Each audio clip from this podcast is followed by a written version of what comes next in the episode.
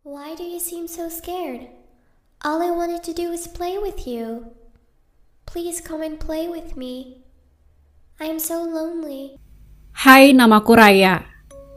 Kali ini aku akan menceritakan pengalaman seramku saat menaiki bus dari Banyuwangi ke Surabaya. Udah dua tahun ini aku bekerja di Surabaya.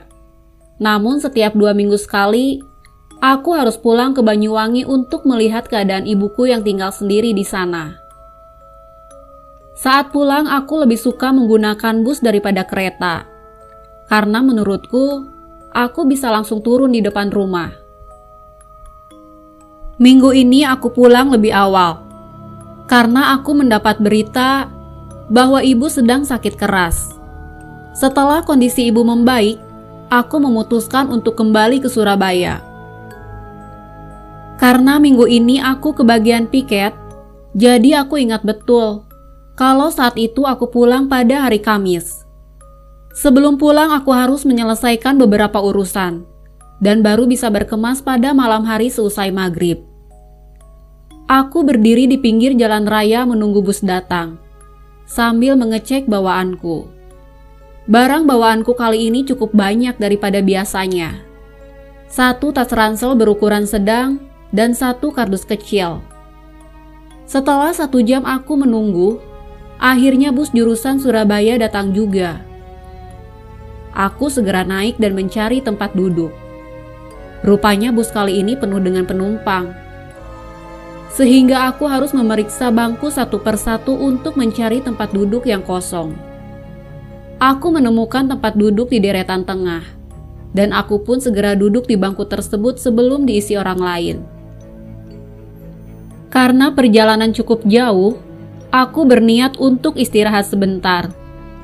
Sebelum memejamkan mata, aku sempat melihat jam di tanganku, dan waktu menunjukkan jam 9 malam. Sebelum akhirnya aku tertidur, aku mulai merasa aneh. Semua penumpang bus itu memakai pakaian putih dan tertidur pulas.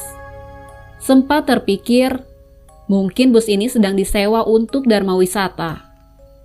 Tapi karena mataku sudah tidak bisa diajak bekerja sama, aku melupakan hal itu dan memilih untuk tidur saja. Tak lama kemudian aku dikagetkan oleh seorang kondektur yang menyodorkan karcis.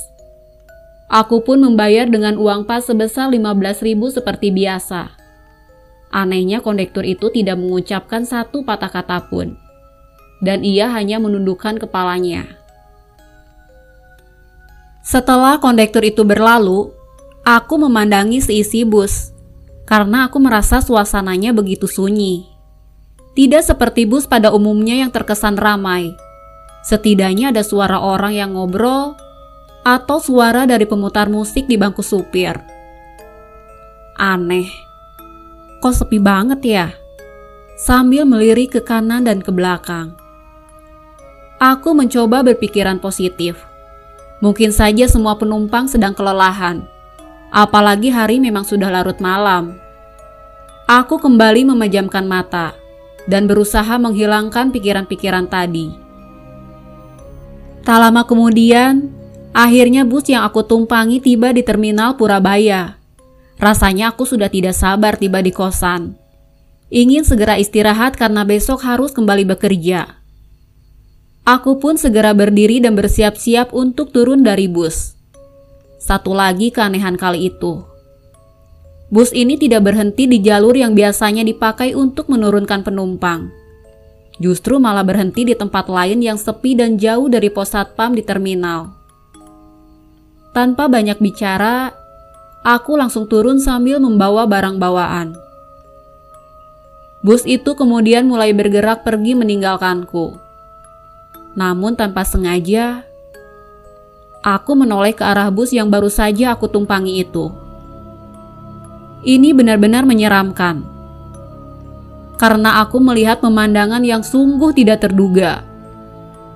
Ternyata penumpang bus itu isinya pocong semua dan mereka memandangiku dengan mata yang melotot.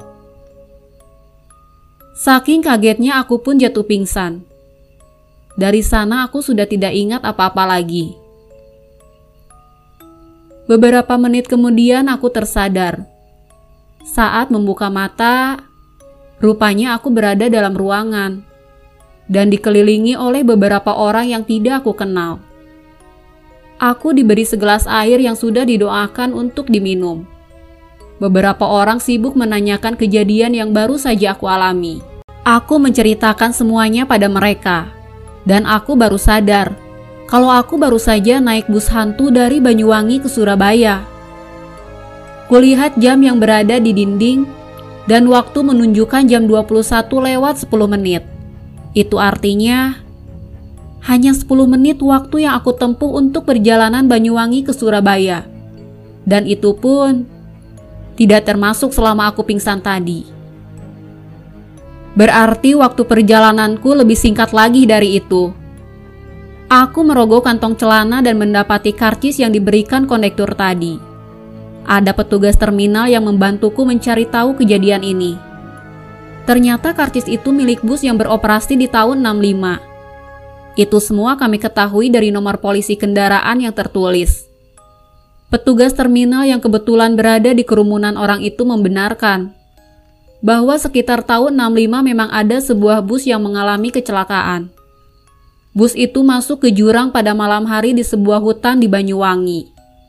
Semua penumpang, supir dan juga kondektur pada waktu itu tidak ada yang bisa terselamatkan satupun. Pantas saja banyak keanehan yang aku dapatkan saat itu. Ternyata aku memang menaiki bus hantu. Begitu gumamku dalam hati. Dan setelah kejadian itu, aku mengalami sedikit trauma jika menaiki kendaraan umum di malam hari. Itulah pengalaman seram yang aku alami saat menaiki bus hantu jurusan Banyuwangi, Surabaya. Sekian dulu cerita kali ini dan sampai jumpa di cerita selanjutnya guys.